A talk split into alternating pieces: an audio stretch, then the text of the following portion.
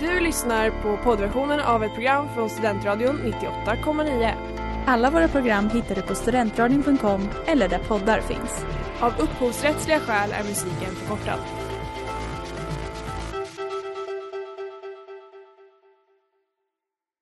Nu tycker jag att vi gemensamt i denna sal sjunger We shall overcome. Det är klart att Malmö som tredje rikets största stad. Kära örebroare. The mayor here in Solna. I want you to go home. Stockholm är smartare än lantisar tycker jag. Sen lunch med PK. Din guide i svensk politik, onsdagar 18.00. Man slänger ut alla oliktänkande och så blir man en liten och stark kärna. Våld löser ingenting. Det är bättre att prata istället. Hej, det här är Maud Olofsson. Du lyssnar på Sen lunch med PK. Välkommen! Ja, välkomna. Det är lillördag och likt en höstbudget så är Sen med PK återigen här igen. Politiken är just nu som sagt glödhet. Men mina nya sändare här i studion är ännu glödhetare.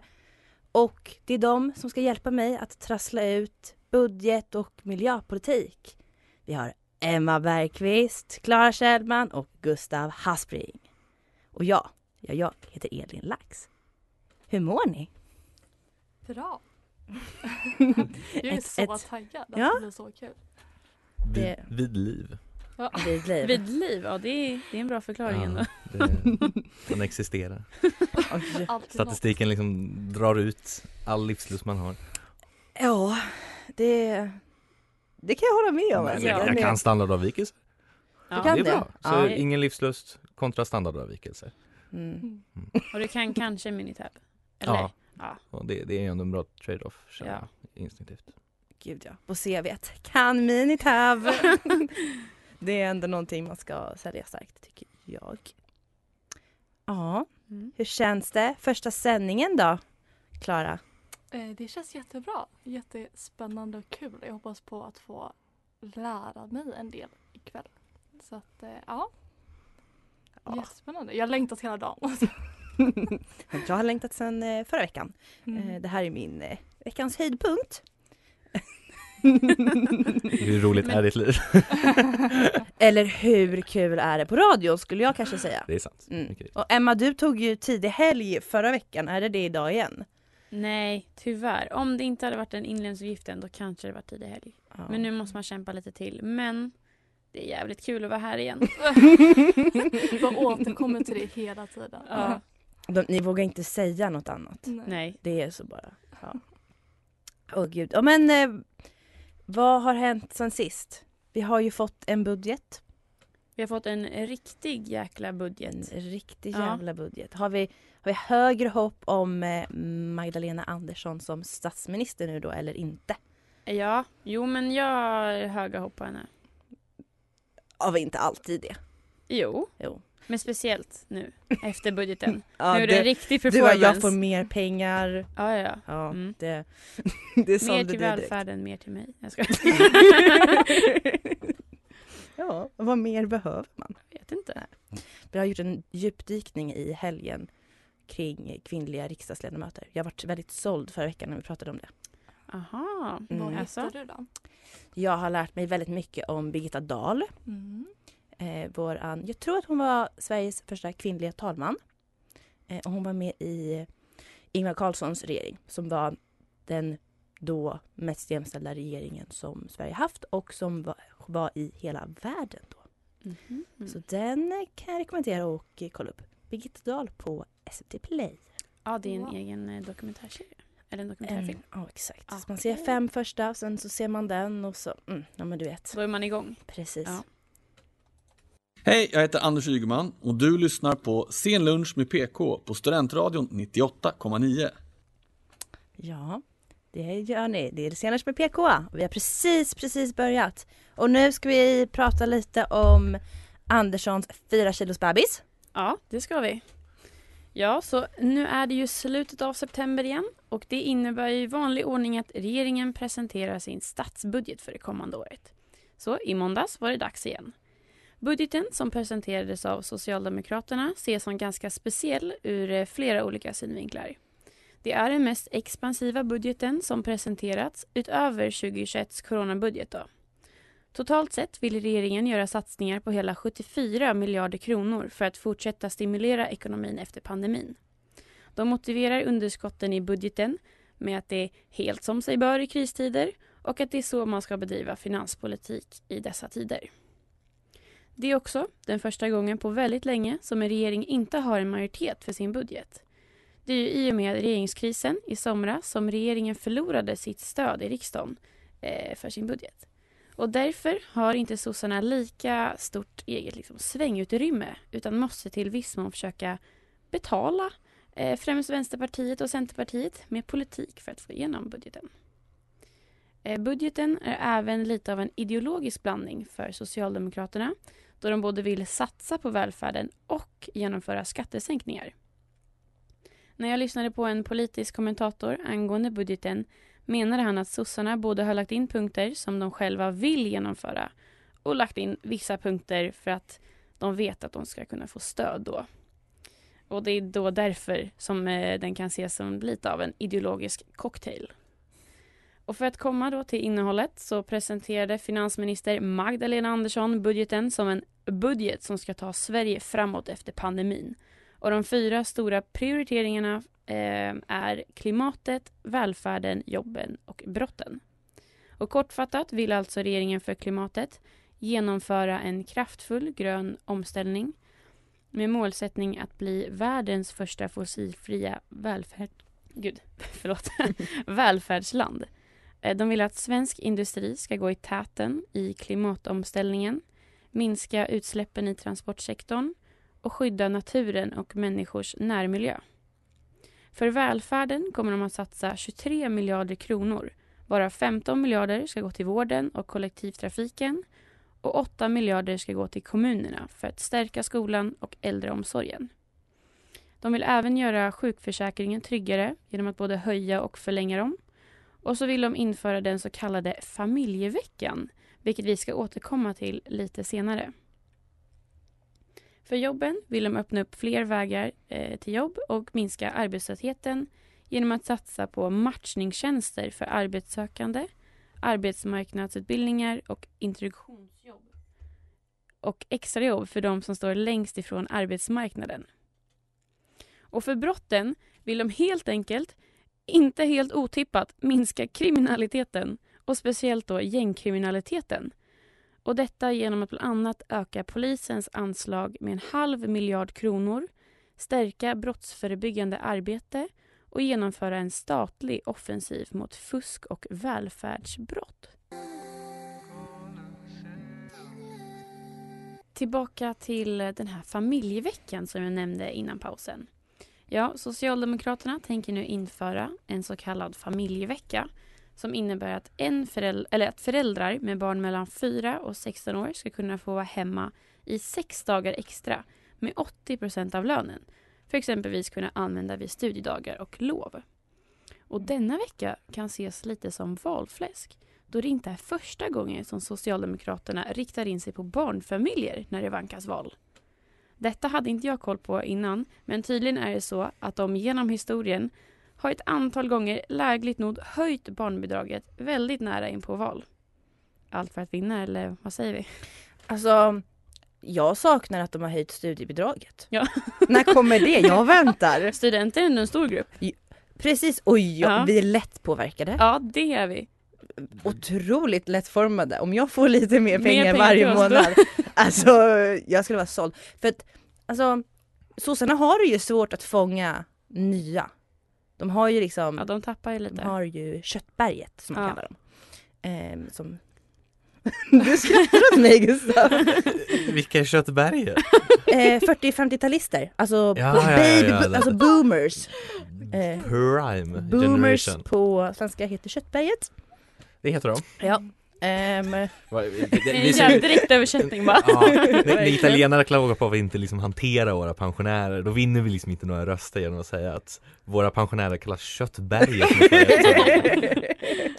Men i alla fall. De är kvar hos sossarna. Ja. Mm. Så de, ja, pensionen där och ja, ja, ja, ja. Men de vill alltså fånga nya väljare med en familjevecka. Ja, exakt. Nya 20-åriga föräldrar. Ja, som det nej. finns väldigt många av i det här För landet. medelåldern för att föda barn är ju typ 28. Det, det, exakt. Ja. Hur f- fångar man eh, nya väljare om man siktar in sig mot familjegrupper? Men det är kanske inte poängen heller i och för sig. Men jag, som sagt, jag tror att höjt studiebidrag hade varit otroligt mycket bättre. Jag vill ha sex, 16 000 i månaden. Ja. I bi- bidrag? Ja, bara bidrag. Bara bidrag. Ingen ja. plånboksröstning här inte. Nej, gud. Herregud. Rent altruistiskt. Okej, ja, men eh, nu tänkte jag eh, lämna budgeten, liksom faktadelen bakom och istället prata om mina favoritmoments. jag har några, men eh, en av mina favoritmoments var när Magdalena presenterade att de ska satsa 23 miljarder på välfärden och stolt säger att dessa siffror gör en socialdemokratisk finansminister stolt. Och efter det lägger till med ett litet smörk att det är stor skillnad från hur alliansregeringen hanterade finanskrisen. Hon var så jäkla nöjd med sig själv att det är därför det är ett av mina favoritmoments. Hon såg så glad ut. Jag blev så stolt över henne. Jag hade sånt you go honey boo boo moment. ja, det var, Ja. det var riktigt trevligt. Den- Den andra, det är när Liberalernas ekonomiskt politiska talesperson Mats Persson börjar ifrågasätta Socialdemokraternas skolpolitik och Magdalena passivt aggressivt och lite hånfullt vänder det mot Mats istället och ställer honom mot väggen. Och liksom så här ifrågasätter vad Liberalerna egentligen prioriterar. Det här är då vad Ma- Magda säger. När det väl kom till kritan, vad var det som var viktigast för Liberalerna? Vad var det som var allra viktigast när ni förhandlade januariavtalet? Var det barnen i skolan? Nej, det var höginkomsttagarna. De skulle få en rejäl skattesättning. Ja. Det var de ni prioriterade. Det är höginkomsttagarna, inte skolbarnen som ni prioriterar när det gäller. Och jag har inte faktacheckat exakt vad som hände under förhandlingarna. Men det var jävligt kul. Det är också så typiskt politiskt att vända allting mot den som ifrågasätter. Ja. Ja, men det är väl så här, om om man har sett riksdagsledarsdebatter någon gång Ja. i den här väldigt torra riksdag.tv Ja men det var typ. liksom ett sånt scenario. Det är ju Svar får man ju sällan. Ja, ja. Det, det får man ju önska någon annanstans. Ja. Utan där är det ju politisk pajkastning. Ja. Eh, Eller korv om man heter Stefan Löfven. Åh gud. Nej men den var Ja alltså Liberalerna, det känns som att de har tappat skolfrågan. ja, lite så. De har tappat bort den. Har de kvar något menar du? Överlag? De har fått så Nej. mycket skit för den så det är kanske är därför de har tappat det. De har blivit lite blyga menar du med andra ord. verkligen. Ja. De är såhär, Det är nej. ingen som vill prata Nej. om betygssystemet längre för att det är bara... Varken Staff, Steffe Ja. eller Ulf vill prata om min väldigt viktiga fråga. De känner sig utanför. Precis. Får inte vara med De längre. får inte sitta vid det coola bordet. Men jag vet exakt vad som kommer hjälpa Liberalerna. Mm. Och det är att de ger mig 16 000 kronor i fickan om Mm. Och det är väldigt mycket pengar. 98,9. Så, säg mitt namn med Lele här på Studentradion 98,9. Och det är fortfarande sen lunch med PK och vi ska lämna budgeten även fast eh, våran ja, framtida statsminister kanske är rolig att prata om. Så ska vi, Klara, få köra en liten debut här. Jajamän, jag tänkte att vi lämnar Sverige något eh, och tar upp ett litet, eh, vad jag känner är ett politikområde som kanske har tappat lite i sin eh, kraft. Det var väldigt populärt för några år sedan men nu har man liksom glömt det lite och jag tänkte gå tillbaka till de här flyktinglägren i Grekland. Eh, det har ju florerat en massa bilder de senaste dagarna på de här lägren som ska eh, få nya murar uppbyggda runt sig. Ehm, och då är det framförallt det fem läger som man planerar att bygga då. Eh, och i häromveckan så invigde man ett eh, nytt läger på Samos som ska vara som en pilot eh, för de andra. Eh, och de kommer då vara helt stängda.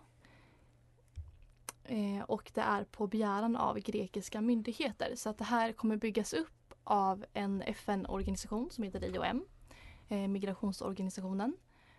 Och det är finansierat av EU och de kommer få hela 250 miljoner euro för att bygga upp det här. Um, så det kommer vara höga murar, det kommer vara taggtråd, övervakningskameror Eh, och även så här, digitala passerkort kommer att krävas för att ta sig in och ut. Och på nätterna kommer det vara helt stängt för eh, passerande. Eh, och detta har ju då lite olika det har blivit lite olika reaktioner. Så internationella organ organisationer som Amnesty och UNHCR Ehm, är rädda att det ger fel budskap. Att det kommer avskräcka flyktingar och att man istället behandlar dem som kriminella än människor som är i nöd. Eh, argumentet från de grekiska myndigheterna är att eh, de här nya stängda lägren eh, kommer att ge värdighet åter till de människor som söker internationellt skydd. Eh, men även garantera att nödvändigt skydd och begränsningar eh, vad gäller de illegala migranter som ska skickas tillbaka upprätthålls. Ehm, men eh, även på det grekiska planet så är det lite olika eh, åsikter och då finns det till exempel lokala politiker som eh, framförallt från Lesbos som menar att det här är EUs sätt att eh, lägga all migrationsproblematik på Grekland och eh, skapa som en mottagningshubb för migranter eh, istället för att ta tag i problemen tillsammans. Um, ja, och då tänkte jag höra med er vad ni tror att Sveriges del i det här är. Mm. Är det någon som har några tankar? Alltså, ja men vi har väl ett ansvar, tänker jag, som ett land i, på jorden. Del av den internationella gemenskapen.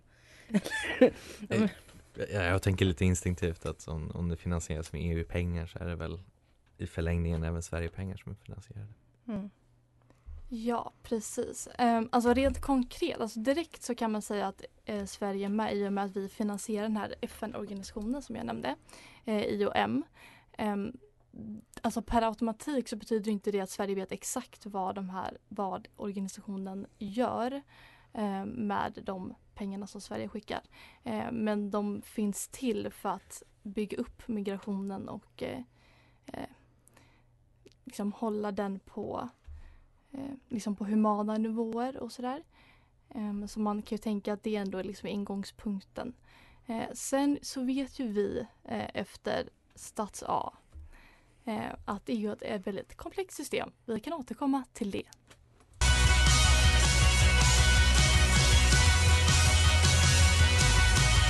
Jag heter Håkan Juholt. Jag hoppas att du inte missar Studentradions sändningar 98,9. Lyssna på den, du lär dig alltid någonting. Så, och det var Someone Strong med Jelly Crystal här på Studentradion 98,9. Och det är fortfarande jag, Elin, Emma, Gustav och Klara som ska ta vid här nu. Yes, för att förstå då lite mer vad Sverige står i det här så måste man ju dyka ner i det här EUs politiska system. Eh, och först och främst så har vi en kommissionär i kommissionen som heter Ylva Johansson och hon jobbar hon har ju då blivit nominerad av Sveriges regering så att det är inte direkt folket som har eh, valt in henne utan eh, ja, det är en indirekt nominering. Eh, och hon jobbar väldigt, eh, hennes område är inrikespolitik eh, och inre säkerhet. Eh, och hon har jobbat väldigt mycket kring en ny migration och asylpakt eh, som finns till för att effektivisera asylprocessen och främja integration. Eh, och hennes mål är också att liksom fördela den här bördan, om man vill kalla det så, eh, mellan övriga EU-länder. Eh, eftersom att Grekland då till exempel har fått ta väldigt eh, mycket. Eh, det här förslaget har laget, lagts fram men det är liksom ingenting som har gått igenom ännu. Ehm, så att hur mycket det har att göra med den här ehm, Eh, de här 250 miljoner euro som har skickats till Grekland för de här lägren. Det är lite svårt att avgöra hur mycket det har liksom samverkat där. Ehm, så att det är lite svårt att veta vad just Ylva från Sverige har sagt kring det här. Ehm, alltså, I det stora hela så blir det väldigt svårt att veta exakt vad, hur Sverige står i det eftersom att det är ganska krångligt att få fram all information. Um, vi har ju 21 ledamöter i Europaparlamentet från Sverige. Uh, och så har vi kommissionen då och ministerrådet. Um, men jag har letat och letat och letat men det finns inga, vad jag vet, protokoll på exakt hur vi har röstat eller vem som har sagt vad eller sådär. Eh, och det finns heller inga eh, offentliga uttalanden eller eh, sådana där eh, saker. Så att det är lite klurigt och det för oss egentligen in på det här med EU som system. Um, och man kan prata om ett demokratiskt underskott.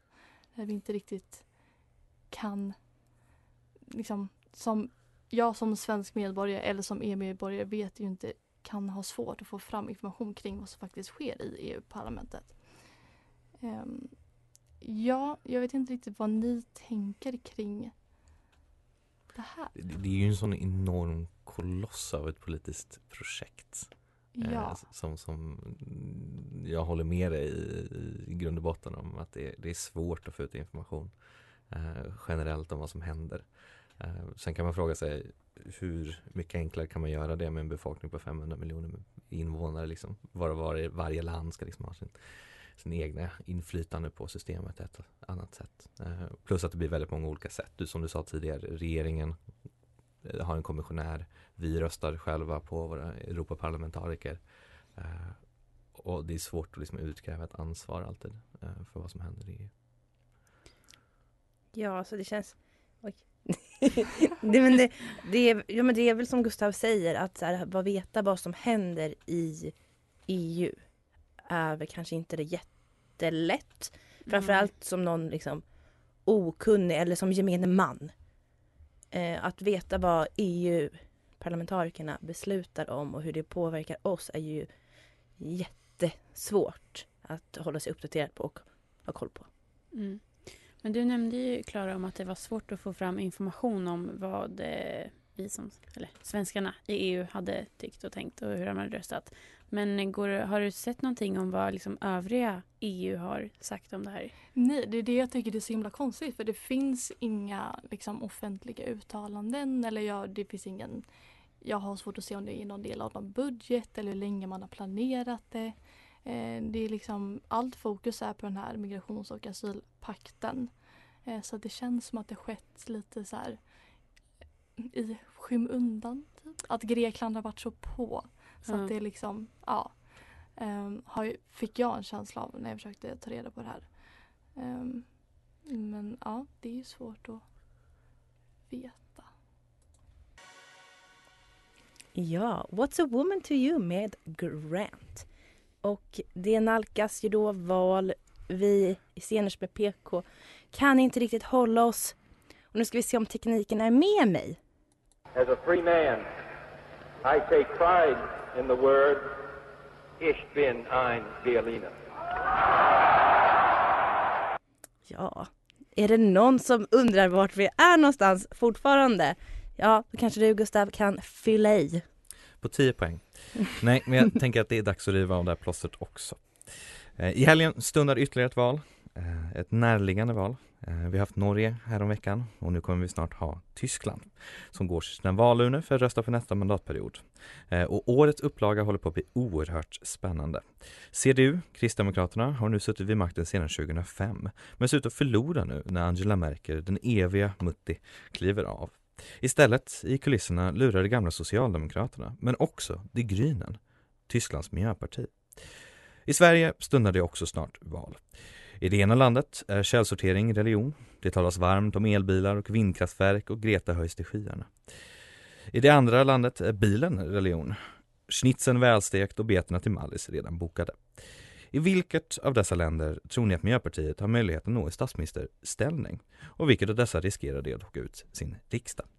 För Tysklands Den Die Grünen har det aldrig tidigare gått så här bra. Men för Miljöpartiets Det gröna har det sällan gått så här dåligt.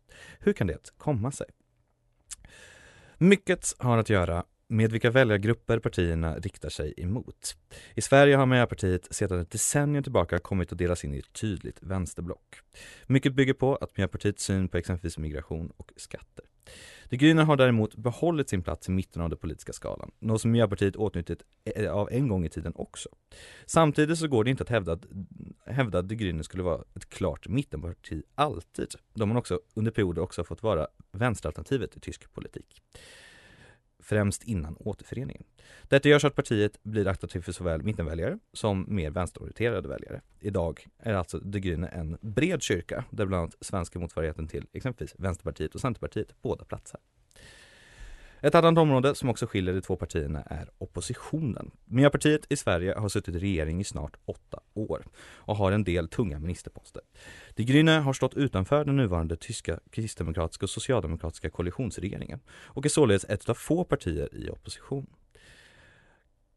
Således kan det anses att Miljöpartiet har i viss mån onödigförklarat sig själva inom svensk politik, då det, driver den klimatpolitik som förs idag och att därför ska vara svårt att hävda att man behöver mer klimatpolitik när man redan sitter i regeringsställning. I Tyskland kan det Grüne slå utifrån, slå utifrån och vinna väljare på sådant sätt. Till sist har De Grüne en helt annan symbios med den tyska industrin än vad Miljöpartiet har med den svenska motsvarigheten. Tysk industri, likt svensk, vill ställa om. Men i Tyskland välkomnas De Grünen in i styrelserummet medan Miljöpartiet bes vända i receptionen. Speciellt tydligt görs detta inom den enorma tyska bilindustrin som ska gå från deras patenterade dieselmotorer till elbilar inom bara ett par år. Bilens mecka i Tyskland återfinns i delstaten Baden-Württemberg i södra Tyskland, där bland annat Mercedes och Porsche är verksamma. Och vem styr inte i den delstaten om inte De Grüne själva? De Grüne har således en stark lokalförankring i tysk politik och industri, till skillnad från Miljöpartiet som saknar ett landsbygdsstöd och även bredare kontakt med näringslivet. Så när tyskarna går mot valen på söndag kan det vara värt att stanna till och titta lite extra på resultatet. För vad vår största handelspartner gör i sin inhemska politik kommer att påverka svensk inrikespolitik oavsett om vi vill det eller inte. Jag vet med säkerhet att alla vid det här bordet kommer kika in under kvällen. Men det är bara för att wir bin ein polkandare.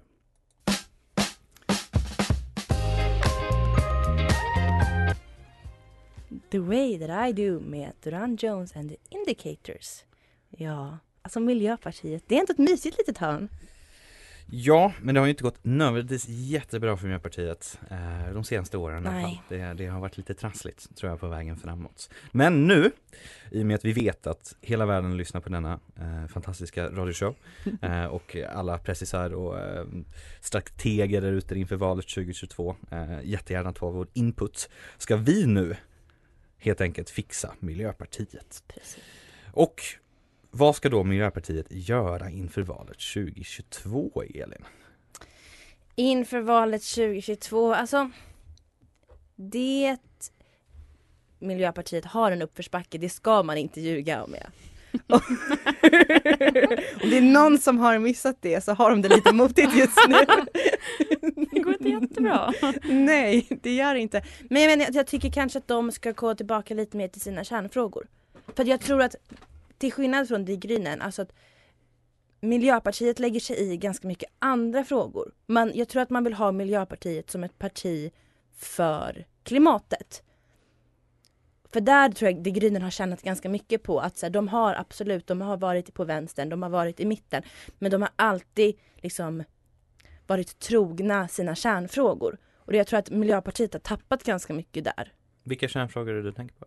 Klimatet. Alltså, nej men man, man, kan väva in klimatet i jättemycket, absolut. Ja. Men det kanske är svårt att se hur vissa kopplingar eh, görs till klimatet. Hur känner du Emma? Ja, men hur, jag, hur räddar vi Miljöpartiet? Jag håller med Elin där. Att eh, gå tillbaka och bli starkare i klimatpolitiken. Det kan ju, alltså just nu i eh, den politiska debatten så kan man ju dra kopplingar till miljön på alla möjliga sätt och vis. Eh, och sen, eh, vi pratade om lite i pausen här, att de brukar ju, eller det har ju funkat förut att eh, byta språkrör. Nu har de ju dock nyligen, eller ganska nyligen bytt, så att det är kanske inte en taktik som funkar jättebra inför det stundande valet. Men eh, ja, vad, kan, vad brukar politiker annars försöka bli nu i det här, vad heter det, tiden? Bli lite mer aktiva på sociala medier jag kanske? Jag tänkte precis starta ja. Youtube-kanal. Ja, eller hur? Följa Annis spår.